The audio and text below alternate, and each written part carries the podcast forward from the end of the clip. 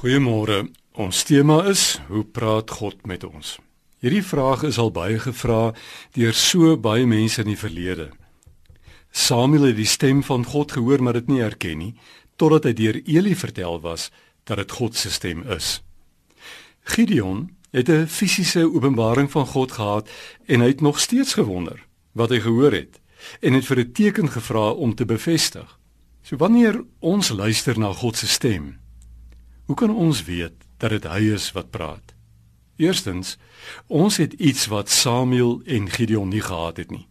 Ons het die volledige Bybel, die geïnspireerde woord van God wat ons kan lees en bestudeer en oordink. Die hele skrif is deur God geïnspireer en het groot waarde om in die waarheid te onderrig, dwaaling te bestry, verkeerdhede reg te stel en regte lewenswyse te kweek, sodat die man wat in diens van God staan, volkome voorberei en toegerus sal wees vir elke goeie werk, so sê Timoteus in 2 Timoteus 3 vers 16 tot 17.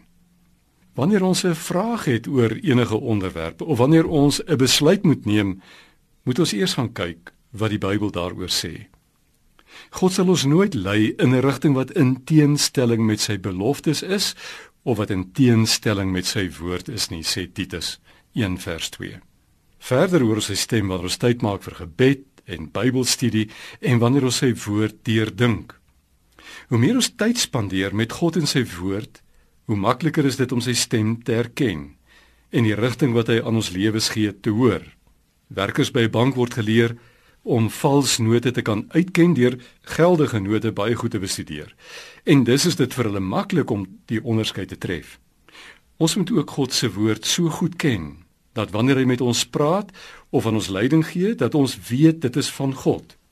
Alhoewel God in 'n hoorbare stem met mense kan praat, praat hy hoofsaaklik met mense deur sy woord en gees.